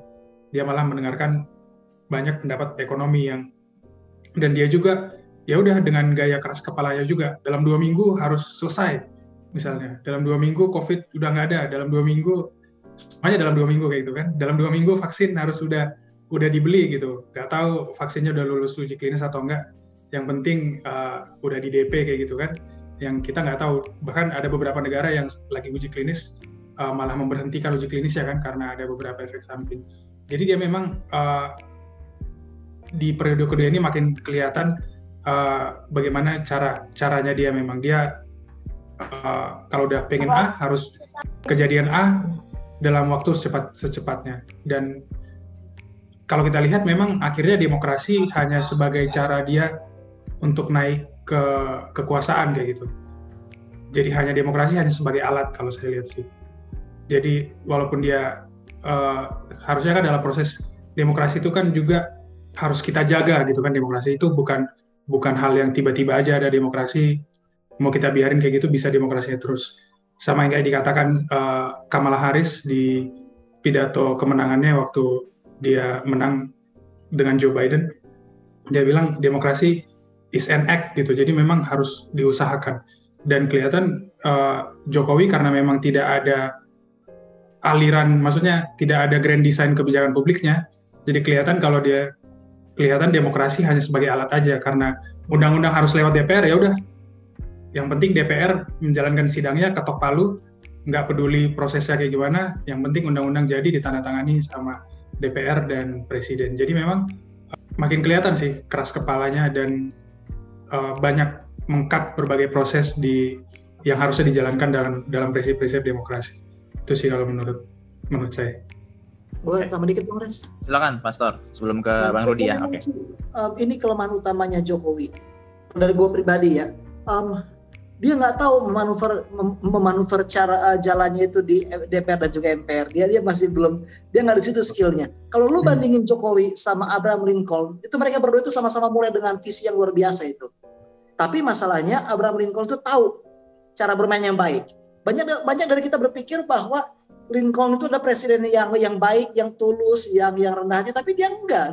Dia itu benar-benar pure politician. Hanya dia benar-benar licin, men. Dia benar-benar licin banget. Kalau lu baca buku Team of Rivals, uh, jadi Abraham Lincoln itu sama kayak Jokowi di periode kedua. Dia rekrut, dia rekrut semua musuh-musuhnya, rival-rivalnya di kabinetnya dia. Tapi dia nggak percaya mereka sepenuhnya. Dia dia dia selalu dia selalu simpan kelemahan mereka. Ada satu kabin anggota kabinetnya dia efisien tapi dia baper. Jadi setiap kali dia ada konflik sama Abraham Lincoln dia langsung ajukan surat pengunduran diri. Sekali dua kali tiga kali dia kayak gitu ulang-ulang. Sampai akhirnya Abraham Lincoln tuh muak dia dipecat. Nah otomatis publik kan nyalain dia. Kemudian Abraham Lincoln kasih tunjuk lah semua resignation letternya ini ke publik. Jadi um, dia memang politician dan karena dia itu memang punya pengalaman di Kongres, jadi dia itu benar-benar tahu lah gimana cara Kongres itu bekerja. Kalau Jokowi, Jokowi itu pengalaman itu cuma wali kota kan, dia dia nggak pernah jadi jadi anggota DPR maupun juga MPR. Jadi dia nggak tahu gimana cara menyeimbangkan um, fraksi-fraksi berbeda yang di yang ada di DP, yang yang ada di, di DPR. Jadi fakta bahwa dia berusaha menyerap dalam satu koalisi besar itu um, itu bukan jaminan karena fraksi-fraksi kecil yang tercipta itu di, di, di dalam partai dia nggak bisa buat seimbang antara misalnya kita, kasih contoh lah radikal Islam dengan moderate Islam. Dia dia dia buat jenderal sebagai posisi menteri agama. Kalau kalau kalau kalian notice NU itu agak sedikit muak sama Jokowi di periode kedua. Biarpun biarpun uh, Maruf Amin itu udah jadi vice president tapi karena mereka lihat menteri agama itu sudah ganti jadi jenderal oh itu benar-benar agak-agak agak-agak tersinggung mereka kan benar kan Pak Pak Kapitan kan Uh, jadi um, apakah Jokowi itu presiden yang baik? Kalau menurutku visinya bagus, tapi seperti dibilang sama Aldi tadi, dia itu masih mental pengusaha yang mau semuanya cepat berlangsung. Sedangkan proses itu lebih rumit daripada yang dia bayangkan. Jadi dia tersandung oleh visinya sendiri. Kalau dari gue pribadi. Karena dia nggak tahu gimana caranya buat tangan dia kotor tanpa ketahuan. Kalau Lincoln tahu, Abraham Lincoln itu tahu, dia cerdik banget. Cerdik sekali dia tapi kalau Jokowi kadang-kadang enggak. Enggak dia dia dia sama sekali enggak aware. Oke. Okay. Thank you. Oke okay, oke, okay, thank you. Harus bisa main main bersih ya. Uh, Oke, okay, uh, eh, mungkin Bang, Bang Rudi nih tadi udah uh, bisa kita ini minta tanggapannya nih Bang Rudi gimana? Iya, iya terima kasih. Jadi ya ini ya kalau pebisnis itu kalau dia bicara saya, ini gue lakukan pekerjaan hari ini nih. Terbit invoice dua minggu lu bayar gitu. Jadi kayak gitu. Jadi uh, mungkin uh, jadi bukan mungkin ya pemahaman seseorang itu ke bisnis dia kalau mau menjalankan suatu bisnisnya itu ada targetnya. Targetnya itu singkat memang singkat jadi jadi apa yang dilakukan yang tadi disampaikan oleh Bro Aldi dan uh, Yohanes itu ya memang benar situasinya memang seperti itu saat ini Nah, kita kita lihat omnibus law dulu ya. Jadi di omnibus law itu saya saya dapat uh, omnibus law itu yang uh, 1028 halaman. Saya nggak tahu teman-teman dapat yang berapa halaman ya. saya, saya belum baca, belum belum baca sampai habis, belum belum ini masih baca di halaman sekian mentok lagi balik ke yang pertama karena masih belum uh, nempel. Tapi di omnibus law itu dia uh, ada 11 klaster jadi yang uh, mulai dari penyederhanaan perizinan tanah, kemudian persyaratan investasi, ada yang ketiga itu ketenaga kerjaan yang heboh sampai demonya itu wah, mulai dari uh, bapaknya demo, anaknya demo, istrinya demo, ikut demo itu itu itu yang yang ketiga terus uh, yang keempat itu kemudahan untuk perlindungan UMKM yang keempat kemudahan untuk berusaha itu yang ada di klaster ya. Kemudian dukungan riset inovasi yang keenam, lalu administrasi pemerintahan juga ada di sana. Lalu ada pengenaan untuk sanksi-sanksi ya. Kalau misalnya pekerja itu sanksinya seperti apa. Lalu ada pengendalian lahan, kemudahan proyek pemerintah dengan kawasan ekonomi khusus. Nah, jadi ya kita lihat yang demo waktu omnibus law itu luar biasa ya. Saya saya kena impactnya juga dari demo omnibus law ini. Tapi ya karena situasinya uh, waktu itu mereka demonya demo ini ya uh, baik-baik. Uh, mereka menuju ke, ke gedung DPR menyampaikan aspirasinya, tetapi ternyata ya kita lihat ya akhirnya kok kok terjadi tembakan terus orang yang mengikuti demo wah dihajar sampai uh, luka kepalanya bahkan ada yang sampai pingsan diinjak-injak oleh, oleh pihak uh, berwenang gitu. Jadi sesuatu yang tidak tidak sedap dilihat tidak enak dipandang gitu. Sesuatu yang sebenarnya undang-undang omnibus law ini kan sifatnya kan kalau menurut Pak Jokowi yang langsung menyampaikan setelah demo itu kan ini untuk kesejahteraan rakyat kan sebenarnya kalimatnya beliau itu tapi kenapa tidak menterinya saja yang menyampaikan di awal sosialisasi dulu kita kan kalau mau membuat kebijakan publik itu pasti kan ya kita cari formulanya seperti apa lah. Jadi kalau menurut salah seorang profesor dari uh, Pittsburgh uh, Pittsburgh University di Amerika ya, uh, William Dunn. William Dunn itu adalah profesor yang banyak menulis buku tentang kebijakan publik dan dipakai oleh seluruh negara saat ini. Ide-idenya dia itu brilian. Nah, kenapa untuk uh, jadi muncul pertanyaan ini dari dari pemerhati uh, kebijakan publik kenapa Pak Jokowi tidak meminta bantuan ahli-ahli kebijakan publik yang ada di Indonesia mulai dari yang sarjana, master, dokter bahkan ada yang yang profesor juga untuk membantu beliau untuk menyusun misalnya ada nih draft tentang uh, omnibus law undang-undang cipta kerja ini. Kan semua orang bisa memberikan pendapat tanggapan. Kita kan negara demokrasi ya negara demokrasi itu uh, kesempatan untuk menyampaikan pendapat itu bisa dengan mudah. Apalagi sekarang kita sudah punya teknologi. Lalu uh, presiden itu tidak seperti presiden-presiden sebelumnya punya uh, staf kepresidenannya banyak bahkan ada kepala stafnya staf-staf khusus yang milenial bahkan ada. Yang mereka bisa saja harusnya bikin suatu website khusus. Oke okay, semua orang yang uh, ada ide apa ini undang-undangnya seperti ini disosialisasi lah dulu sosialisasi. Ya, namanya juga kalau kita mau buat sesuatu kan kita harus merumuskan masalah dulu ya. Presiden Soekarno saja merumuskan masalah uh, merumuskan proklamasi itu kan uh, lumayan butuh waktu juga kan? Tapi karena situasi dan kondisi ya, dia ingin menyuarakan uh, hati rakyat ingin bahwa Indonesia merdeka itu ya akhirnya proklamasi itu keluar. Tapi kan perumusan masalah itu ada gitu. Nah, itu harusnya dibuat gitu. formulasi kebijakannya seperti apa? Harusnya bikin peramalan dulu. Kalau eh, saya mau membuat kebijakan seperti ini omnibus law dampaknya apa sih buat masyarakat itu? Apakah menyusahkan atau malah membuat masyarakat menjadi sejahtera nah, yang ketiga yang lupa itu rekomendasi yang tadi Bang Ali bilang pengen cepat-cepat ya, pengen cepat-cepat supaya keluar gitu. Nah, rekomendasi yang beliau dapatkan itu dari mana gitu. Kalau rekomendasinya misalnya hanya dari pebisnis tanpa meminta pendapat dari buruh juga salah. Jadi harusnya rekomendasi itu ada. Nah setelah sudah muncul semua rekomendasi lalu pemantauan lah di lapangan. Beliau kan ahli dalam bidang belusukan. Presiden-presiden kita yang belusukan itu selain uh, Presiden Soekarno, Presiden Soeharto kan jago-jago belusukan itu. Lalu uh, yang uh, apa namanya uh, Pak Jokowi itu kan jago-jago belusukan. Ya. Kalau jago-jago dalam ahli strategi ya Pak Presiden SBY dulu, uh, lalu ahli dalam bidang teknik ya Presiden Habibie. Kalau untuk ya bisa meng, menggait hati ibu-ibu ya Ibu Megawati juga bagus karena dia sebagai ketua partai kan waktu itu. Jadi ya, kita lihat harusnya pemantauan dulu dilakukan.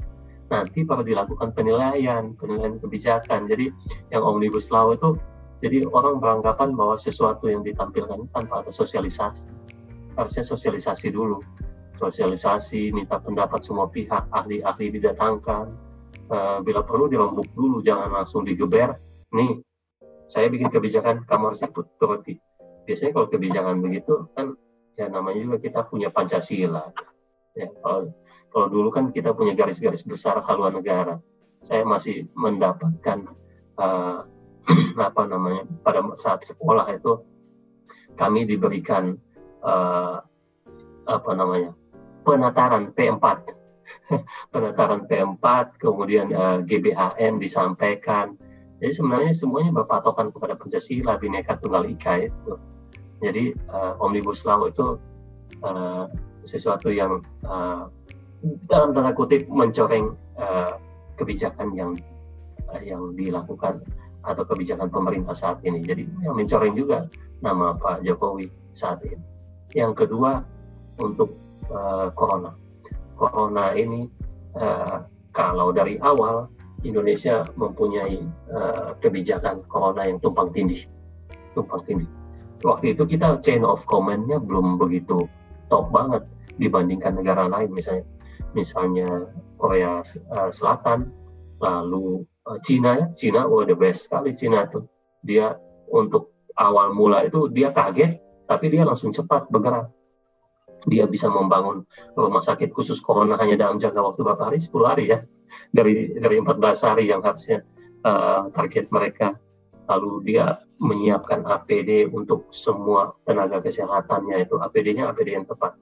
Nah kita begitu pas situasinya seperti itu, wah polemik lah. si Menteri A menyampaikan ini bercanda kayak bercanda gitu si Menteri B menyampaikan ini ya. jadi seolah-olah orang yang tidak ahli dalam bidang itu semuanya berbicara gitu. Harusnya kan kita berilah kesempatan kepada orang yang sudah sekolah yang ahli dalam bidang itu. Biarlah dia yang berbicara dia yang akan memberikan saran kepada presiden dan presiden nanti sebagai pimpinan atau kepala negara yang akan mengambil keputusan dari semua ya, ahli tadi Bu Aldi katakan ahli epidemiologi di Indonesia sedikit, oh, banyak banget lulusan LPDP yang kuliah dibayar oleh pemerintah di luar negeri. Ada yang di Harvard, ada yang di di Inggris, ada yang di uh, apa namanya di Monash Australia sana di semua negara. Kita punya punya ahli-ahli epidemiologi yang bagus-bagus. Nggak usah jauh-jauh datang saja ke UI dari istana kan dekat tuh ke Depok. Jadi bisa bisa minta pendapat profesor-profesor ahli uh, epidemiologi untuk membantu. Uh, bagaimana sih untuk penyakit seperti ini yang menurut uh, Pak Menteri Kesehatan self-limiting disease itu uh, bisa bisa kita tanggulangi lah kenapa banyak petugas medis seperti dokter perawat yang meninggal karena terdampak uh, corona APD-nya kurang Ya, saya, saya punya teman-teman yang sampai saat ini mereka masih bertugas di Wisma Atlet. Jadi salah satunya uh, Kolonel Arif, Dr. Arif. Uh, kemarin saya pasti sempat telepon dengan beliau menyampaikannya. Jadi dia itu sampai rela tidak pulang ke rumah hanya untuk ya bekerja standby di di Wisma Atlet. Kalaupun pulang kan ya dia bertemu anak istri di rumah kan agak sulit dia nanti pas kembali lagi harus nah, protokolnya seperti apa. Jadi mereka-mereka di sana tuh ya memang betul-betul orang pilihan yang betul-betul mengabdikan dirinya untuk untuk ya, untuk negara gitu. Mereka bah, ya, Pak Jokowi sih memberikan apresiasi ke mereka sih, tapi jangan lupa bahwa kebijakan-kebijakan yang dibuat itu harusnya pro ke mereka juga.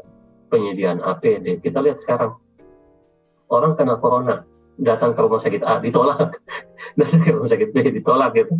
Bahkan misalnya, eh kamu ke rumah sakit ini ya, aku nggak mau takut mati gitu. Jadi saya mau maunya ke rumah sakit ini gitu. Eh, seperti contoh, teman-teman yang bekerja di rumah sakit Advent di Bandung, mereka memberikan informasi juga ke kita ya. Baik juga ya rumah sakit kita, eh, rumah sakit Advent Bandung itu pada saat mereka merawat pasien-pasien COVID, mereka melayani dengan tulus, memberikan konseling, uh, uh, uh, bagian kerohanian terlibat, kemudian uh, dokter dan perawat terlibat, teman-teman uh, bagian uh, yang lain-lain terlibat, uh, nutrisi uh, itu terlibat, dan menurut informasi sih sampai hari ini tidak ada pasien yang meninggal akibat COVID di Rumah Sakit Advent Bandung ya.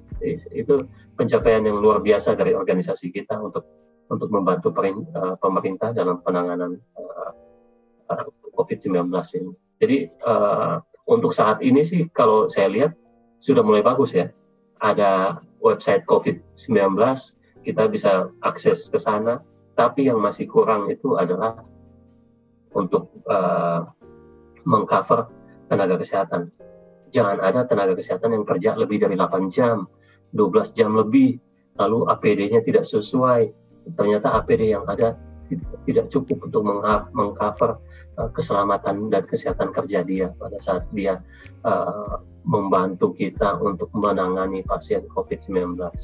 Harusnya itu juga menjadi tanggung jawab semua, terutama pemerintah sebagai owner dari uh, negara ini, mereka uh, owner dari kebijakan publik yang dibuat ya uh, menyakit corona. Ya, jadi masih banyak tumpang tindih lah, masih banyak tumpang tindih dari saya. Oke, okay, thank you Bang Rudi. Ya. Oke, okay, jadi mungkin uh, sebelum kita ke ke ke bagian akhir kita kita bahas uh, secara alkitabia dan kesimpulan, mungkin ini quick aja pertanyaan dari Pastor David nih uh, untuk menutup uh, sesi ini eh bagian ini dikatakan apakah sistem politik Indonesia sudah cukup memadai untuk melaksanakan kebijakan publik yang ideal dalam bidang apa pun. Mungkin tadi kita bahas banyak sepertinya kebijakan yang masih banyak kekurangan. Nah, mungkin nih uh, Bang Rudi ini apakah ya. sistem politik kita masih harus banyak diperbaiki? Begitu. Iya. Ke, kembali ke kampus lah. Kalau menurut saya mintalah minta pendapat para ahli. Banyak kita ahli-ahli yang bagus. Ya dan dan pemerintah pusat punya akses untuk masuk ke semua universitas. Selain akademisi, praktisi juga bisa diminta. Oke oke, thank you. Uh, dari Bro Aldi mungkin ada sedikit uh, tentang pertanyaan ini, pendapatnya? Uh, ini sistem sistem politik secara secara luas atau keadaan keadaan real yang sekarang ya? Ini secara luas ya, uh, secara tadi pertanyaan sih tentang kebijakan publik. Jadi apakah itu mendu sistem politik kita mendukung kebijakan publik yang efektif atau kurang? Uh, kalau menurut kalau menurutku sih kalau secara sistem sudah sudah cukup sudah cukup baik ya maksudnya demok demokrasi kan memang kita anggap sekarang sistem yang ideal lah dan walaupun demokrasi Indonesia masih muda gitu uh, sebenarnya dasar-dasarnya sudah cukup baik tapi memang orang-orang yang ada di sana itu yang yang menyebabkan banyak kebijakan-kebijakannya yang yang nggak efektif jadinya. Tapi ya kembali lagi ke demokrasi. Orang-orang politik polit, politisi-politisi dan pemerintah itu ya cerminan cerminan rakyatnya gitu kan. Berarti mungkin saja memang rakyat Indonesia yang memang belum belum mampu secara dewasa untuk memilih orang-orang yang terbaik di untuk duduk di kursi pemerintahan. Atau juga memang uh, ya memang gak ada pilihan lain kadang-kadang. Kayak misalnya di tahun 2019 pilihannya hanya Jokowi atau Prabowo gitu. Jadi kita hanya memilih mana yang mana yang lebih enggak buruk gitu, bukan mana yang lebih baik gitu jadinya kan. Dan banyak juga pilkada-pilkada di yang tahun ini yang pilkada serentak di 2019 ini kalau teman-teman baca berita banyak daerah-daerah yang hanya ada calon tunggal gitu. Jadi uh, itu juga sih salah satu. Jadi mungkin kita sebagai orang-orang muda uh, mungkin ada yang berminat untuk masuk ke dalam kayak gitu untuk memperbaiki dari dalam. Karena politik itu kalau kita harus diperbaiki dari dalam memang. Kalau kita hanya dari dari luar aja dan orang-orang itu aja yang ada di dalam ya bakal kayak gitu-gitu aja. Dan juga yang kedua karena demokrasi kita juga kan masih muda orang-orang yang di dalam itu ya masih sama-sama aja sama orang-orang yang dari orde baru kayak gitu kan. Misalnya Wiranto, Prabowo, pebisnis-pebisnisnya juga masih pebisnis-pebisnis dari orde baru. Jadi memang banyak akhirnya kebijakan-kebijakan publik yang walaupun sistemnya udah demokrasi, tapi uh, hasil-hasil kebijakannya masih mencerminkan gaya-gaya Orde Baru. Jadi kalau menurut saya sistemnya sudah bagus, tapi memang orang-orangnya dan uh, gaya berpolitik di Indonesia yang menyebabkan banyak eh, hal-hal uh, yang buruk sih. Oke, okay, thank you. Nah, uh, oh silakan Mas David ya. Sedikit karena uh, tadi itu yang saya tanyakan, karena diskusi kita uh, mengharapkan hal yang ideal. Tapi sering kali implementasi sistem politik kita tidak seperti yang ideal. Tadi Bang Rudi sampaikan kembali ke kampus, sering kali memang ideal itu kita temukan dalam kampus. Tapi kalau kita baca di detik, sorry, di salah satu media atau di banyak media, uh, kebanyakan yang banyak berbicara bukan pihak kampus, pihak parlemen, orang-orang yang bisa uh, dengan mudah mengatakan kata takbir, lalu kemudian pakai toa, itu yang lebih didengar oleh masyarakat uh, yang lebih pragmatis zaman sekarang. Oleh sebab itu tadi uh, memang saya saat menikmati diskusi kita dan tadi Brother Aldi juga sudah menyampaikan bahwa uh, sistem politik kita sudah baik, tapi menurut saya implementasinya masih uh, setengah matang. Kita menganut sistem presidensial demokrasi yang menjurus presidensial, tapi implementasi, implementasinya sering kali parlementer. Presiden tidak bisa berkuasa penuh dengan uh, kabinetnya, karena kalau sedikit goyang saja, stabilitas politik itu bisa bisa uh, mengganggu, bisa kemudian terancam. Kalau misalnya, misalkan ini ya salah satu partai uh, kemudian menterinya diganti, itu pasti akan ada satu celah saja yang kemudian uh, dimanfaatkan dan pemakzulan bisa saya terjadi. Jokowi sudah banyak sekali di diancam isu uh, seperti ini.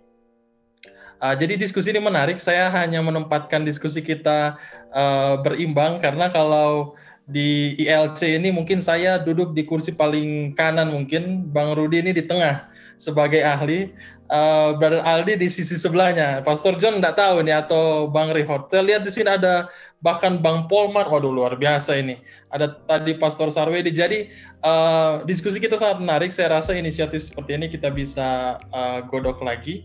Tapi untuk isu tentang ini memang kita perlu secara berimbang menyampaikannya. Mungkin nanti saya tidak ada kesempatan lagi untuk uh, berbicara karena ini untuk Bang uh, Rudi dan juga Aldi. Tapi saya ingin menyampaikan sedikit yang terakhir uh, sebelum ke penutup dari para narasumber kita.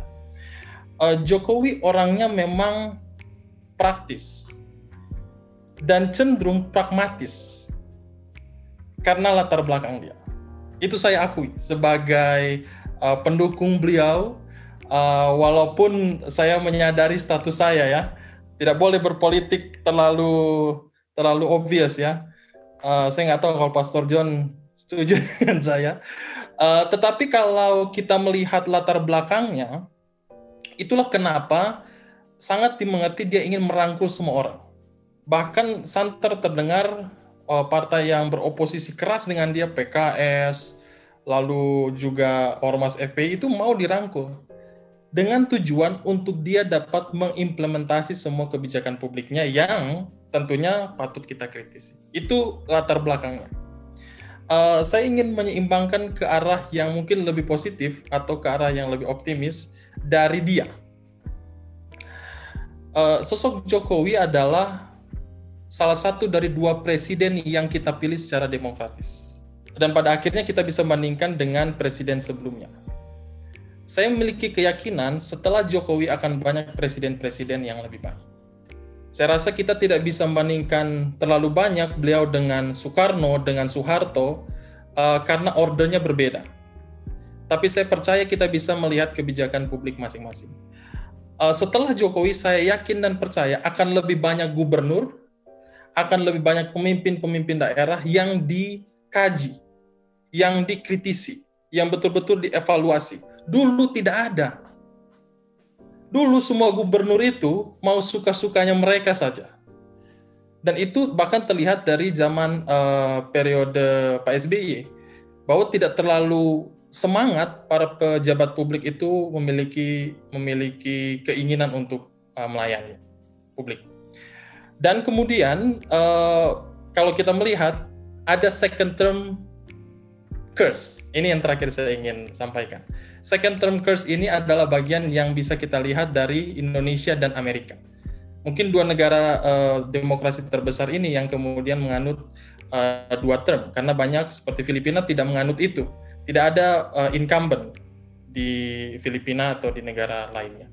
Tapi second term curse ini dirasakan oleh Jokowi dan saya yakini itu terasa. Karena second term curse um, kutuk kutuk uh, term kedua itu tidak dapat dilepaskan terlebih ketika dia bukan orang partai politik. Bukan orang partai politik. Barack Obama pun seperti itu. Terlihat dia lebih powerful di periode pertama daripada uh, periode kedua. Jadi ada sisi positif dari Jokowi. Uh, saya lebih mengambil itu. Tapi kalau mungkin saya terdengar lebih optimis dari yang lainnya, saya rasa itu adalah uh, warna dari diskusi kita tapi saya percaya bahwa Indonesia akan lebih baik setelah Jokowi. Dan ketika Indonesia lebih baik, itu mungkin pertumbuhannya yang kita harapkan lebih tinggi, tapi sebenarnya tidak terlalu tinggi. Tapi at least ya tumbuhlah sedikit. Tumbuhlah sedikit. Uh, dari berbagai bidang ya, dari berbagai bidang. Terlebih juga, uh, saya ingin mengutip Prof. Mahfud, sering kali kita melihat pilihan yang mungkin banyak sekali jahatnya, tapi mari kita pilih pilihan yang paling sedikit jahatnya. Semua orang pasti jahat. Dan ini saya uh, saya amati ketika periode kedua pemilihan tahun 2019. Sama Jokowi versus Prabowo. Terus orang banyak menyerukan um, oposisi. Memang kalau pilihannya sama ya apalagi yang mau di, dilihat ya kalau misalnya buruk-buruknya semua semuanya bisa kita lihat. Tapi pilihlah dari yang paling sedikit jahatnya. Karena semua orang di dunia ini ada sisi buruknya. Itu saja sedikit. Thank you. Oke, mantap sekali. Thank you, Pastor David. Oke, uh, kini kita harus langsung simpulkan. Uh, terakhir dari Pastor John nih, apakah ada hal yang bisa kita ambil dari kita Alkitabiah mengenai partisipasi kita uh, orang Kristen atau orang Advent mengenai hal ini? Karena kelihatan kita punya pandangan-pandangan berbeda tentang kebijakan publik eh, pemerintahan. Ada yang setuju, ada yang nggak setuju. Menurut Pastor gimana partisipasi kita, apalagi di sosial media atau cara publik? Apakah kita harus open up, kita harus berani, atau kita harus lebih reserve, uh, lebih hati-hati? Menurut Pastor gimana? Kalau secara alkitabiah sih jawaban gue simple ya. Jangan berharaplah sama dunia politik. Tadi kan David bilang kan bahwa masih ada pemimpin-pemimpin lebih baik lagi. Kalau menurut saya sih nanti 2024 ini lebih lebih barbar lagi nanti pemilihan. Apalagi terutama dengan banyaknya kandidat yang oke-oke ya. Kalau kita bicara tentang Ganjar, terus tentang Risma, tentang Anies dan um, mereka ini sering kali di, di, di, di, di apa namanya ditunjukkan sebagai kesatria putih yang akan menyelamatkan Indonesia. Tapi um, pola yang sama itu pasti terjadi lagi. Kalau menurut gue pribadi itu pasti terjadi lagi. Kalau yang 2014 aja sudah Kang Emil juga, oke. Okay. Nah banyak sekarang nih mereka sekarang lagi bangun image, ya kan Pak Rudi kan setiap dari mereka itu sekarang lagi bangun image sekarang. Dan sama kayak Jokowi, image itu ditampilkan begitu sempurna di awal. Um, tadi kan kalau dibilang sama um, apa tuh namanya sama si David kan cus yang kita harus pilih yang lesser evil. Tapi kalau menurut gue sih kita pilih yang konsisten. Kalau menurut gue ya, yang konsisten di dalam yang konsisten dalam kejelekannya dan juga konsisten dalam keburukannya. Karena itu lebih lebih lebih stabil dia. Nah, Barack Obama masa kedua itu mungkin dia lebih lemah ya secara uh, secara partisan itu dia dia lemah memang. Tapi dia tetap konsisten dari pandangan dia mengenai kesehatan, ya kan Pak Rudi kan soal Obama care dia konsisten. Terus soal pandangannya mengenai LGBT dia dia, dia konsisten uh, ketetapannya dia itulah yang justru menjadi penghalang uh, menjadi menjadi perpecahan bagi yang lain. Jadi kita punya banyak calon kan ada Ganjar ada Kang, Kang Emil mungkin kita sebagai orang Advent ya kita harus berusaha untuk melihat mereka apa adanya. Apa adanya. Jangan mau terbuai sama framing media. Nah, ini framing media ini yang bahaya. Jangan mau terbuai sama apa forward forward WA seperti itu. Harus harus kritikal. Kritikal. Dulu waktu uh, waktu Hitler naik menjadi kanselir Jerman, Jerman, oh dia didukung sama orang Advent karena dia nggak merokok, anti porno, vegetarian. Gimana bayangin coba kalau ada orang uh, presiden kita kayak calon presiden kita kayak gitu, anti porno, nggak merokok, vegetarian, kita pasti pilih sama kita pasti pilih dia nggak? Ya ya pastilah. Sedangkan Churchill, oh dia itu suka dia peminum dia, obesitas, udah tua. Jadi um, kita harus kita perlu lihat di balik layar. Nah, gue nggak bilang bahwa Churchill lebih manusiawi daripada daripada um, daripada Hitler, karena Churchill juga punya policy-policy yang berakhir buruk. Tapi kalau menurut gue kita harus belajar, kita harus menolak framing media. Ini yang terjadi dengan Jokowi. Kita semua terlalu terbuai sama framing media dan kita rasanya kita nggak nggak mau untuk melihat bahwa dia itu ya pandangan dia itu simple sebenarnya dan cara dia problem solving itu simple. Di dalam bukunya disebutkan Aldi, Jokowi sendiri bilang kok, cara kepemimpinan saya simple, saya berusukan, saya cari masalah, saya solve. Karena memang um, pola pandangnya dia itu sederhana. Dia bukan um, dia bukan S3 politik yang mengerti um, pola kerja DPR, enggak. Dia orang sederhana dan pola pikir dia itu simple-simple kita harus berani menolak framing media. Itu sih kalau dari gue pribadi. Sebentar, sebentar. Tadi mencoba mengkaji apa yang sampaikan. Saya tidak mengatakan kita harus selalu mencoba memilih lesser evil. Konteksnya kan tadi Jokowi Prabowo.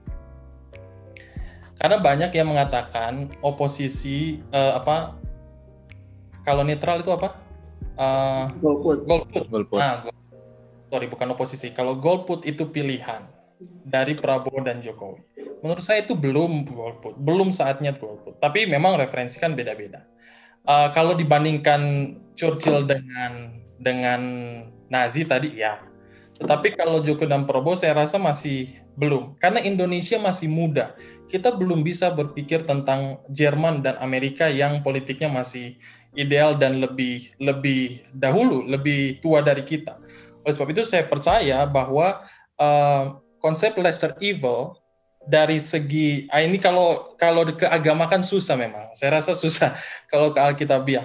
Tapi yang saya bisa yang saya bisa usulkan adalah bagaimana kita tetap kritis sebagai orang orang muda. Saya rasa Aldi ini kalau uh, terus tertarik dengan politik bisa bisa juga maju jadi salah satu anggota DPR saya tidak tahu. Mungkin nanti bisa konsultasi dengan Bang Rudi tapi yang saya saya ingin tanamkan adalah Uh, dan tadi melengkapi ya Pastor Pastor John sampaikan, tapi saya hanya mengkoreksi bukan dalam konteks yang lain, tapi hanya dari konteks tadi 2019 dan mengingat bahwa kita uh, berada di lingkungan politik yang berdosa, lingkungan politik yang berdosa. Kita tetap saya setuju tidak boleh um, berharap terlalu tinggi, terlalu besar.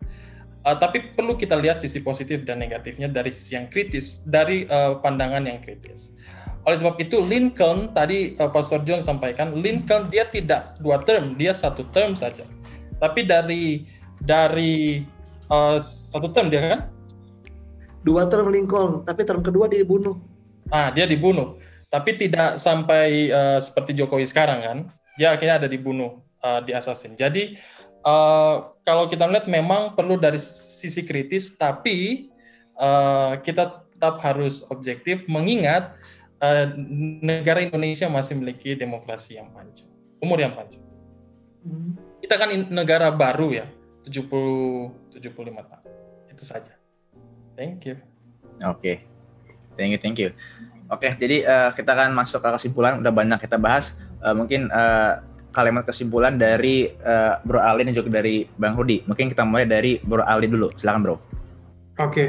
Uh, kalau dari saya sih kesimpulannya Jokowi memang kita nggak bisa nggak bisa pungkiri orang yang hebat belum pernah kalah pemilu dalam 9 tahun dari wali kota ke presiden gitu tapi memang kita harus uh, kembali memanusiakan Jokowi lagi sih kita mungkin di awal-awal menganggap uh, Jokowi ini sebagai juru selamat uh, satria piningit gitu kan yang nggak nggak punya nggak punya nggak punya celah harapan baru gitu. Tapi memang uh, kembali lagi sebagai negara demokrasi memang ya nggak ada pemimpin yang sempurna dan tugas kita juga sebagai rakyat untuk uh, mengkritisi kebijakan pemimpin siapa pun pemimpinnya. Apakah yang kita pilih atau yang nggak kita pilih. Terus uh, demokrasi kita juga tadi yang, yang dikatakan pendeta David uh, masih muda. Memang sekarang demokrasi kita masih sekedar sebagai demokrasi prosedur. Jadi memang secara prosedur memang demokrasi tapi secara prinsip memang kita masih terbawa oleh uh, orde baru dan kebiasaan-kebiasaan lama kita. Jadi memang kita harus tetap memupuk ini supaya lebih berkembang lagi demokrasi yang menjadi lebih dewasa. Dan itu ada di tangan kita masing-masing sebagai masyarakat karena pemimpin di negara demokrasi adalah cerminan dari rakyatnya.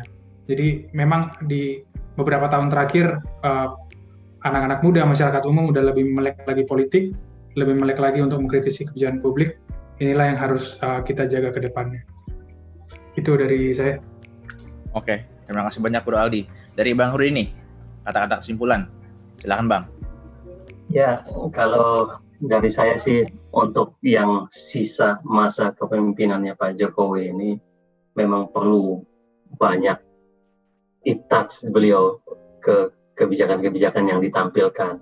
Jadi uh, jangan sampai kebijakan jangan sampai menjelang beliau nanti selesai masa kepemimpinannya itu bahkan men akan menjadi bumerang buat dia nanti di akhir masa kepemimpinannya ya untuk yang kita yang sering mendapatkan informasi-informasi yang ya kita sebut saja hoax ya dari masa tahun 2014 dulu itu bagaimana uh, kita mengharapkan beliau itu sama seperti cerita Yusuf dan Maria ya beliau beliau anak-anak tukang kayu yang bisa ma ma maju kemudian ya itu akhirnya muncul harapan dari semua orang bahwa nanti akan lebih baik ekspektasi yang tadi disampaikan itu ya jadi uh, kembali lagi ke kepada kita masing-masing ini tadi uh, David tadi menyampaikan tuh saya senang dengarnya juga kita tidak bisa terlalu banyak khususnya kita ya warga Aten kita tidak bisa terlalu banyak terlibat di dalamnya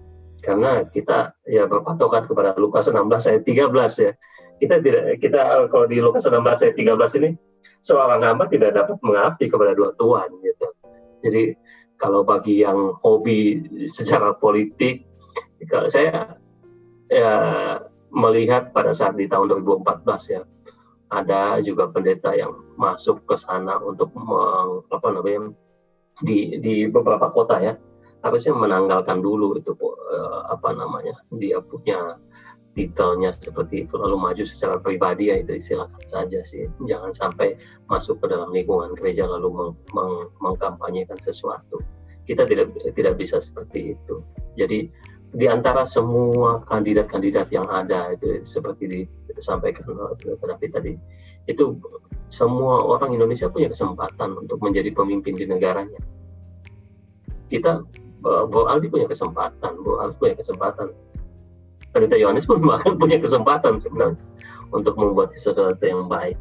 Jadi dari semua kebijakan uh, kembali lagi ya ke semua kebijakan yang telah dilakukan oleh uh, Pak Jokowi di periode pertama dan di periode kedua ya setiap manusia tidak tidak luput dari kesalahan ya.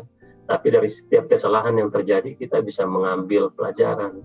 Jangan sampai kejadian itu diulang kembali jadi kebijakan-kebijakan yang gagal di waktu-waktu yang lalu bisa menjadi bahan pembelajaran. Kita punya banyak pemikir yang hebat-hebat. Ya, teman-teman yang uh, di fakultas uh, mulai dari sarjana saja mereka sudah mau pada saat membuat skripsi bisa membuat penelitian yang baik menyampaikan sesuatu yang baik itu itu bisa dipakai oleh pemerintah. Kebijakan-kebijakan yang sederhana bisa bisa membuat sesuatu yang wah untuk uh, negara ini ke depannya apalagi ditambah yang sudah bekerja di luar, yang sudah sekolah di luar, itu bisa jadi ahli-ahli uh, pemikiran bagus dengan riset-riset yang bagus. Ya, jadi uh, kebijakan ini sebenarnya uh, kembali kepada uh, cita-cita gereja kalau menurut saya. jadi, jadi setiap cita-cita gereja kita sebenarnya prinsip-prinsip kasih itu bisa kita terapkan gitu. Kalau kita lihat sebagai contoh misalnya salah satu televisi swasta kalau berdebat itu luar biasa. Itu sebenarnya uh, pembelajaran publik yang tidak elok gitu. Jadi eh, kebijakan-kebijakan uh, jadi uh, untuk Pak Jokowi saat ini tantangan lah buat beliau di sisa masa kepemimpinan. Apa yang mau dibuat? Seperti contohnya anaknya sudah maju sekarang, Pak anak dan menantu maju. Itu sebenarnya tanpa disadari oligarki mulai berjalan. Gitu. Entah siapa yang menyuruh atau atau beliau yang punya inisiatif sendiri, kita tidak bisa masuk ke sana.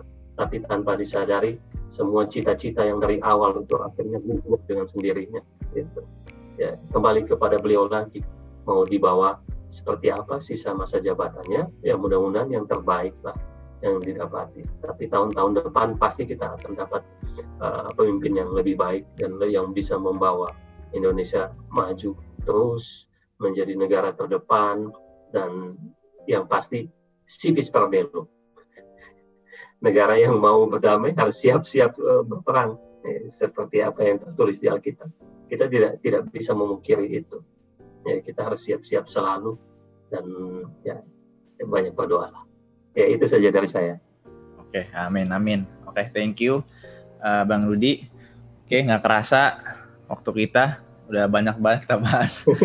Ini jujur lebih panjang dari pembahasan kita biasanya, dari Pastor John ya. Amin karena memang uh, thank you banget untuk uh, Bro Aldi dan Bang Rudi. Saya nggak expect insight-insightnya ini banget lengkap, informatif, kompleks banget.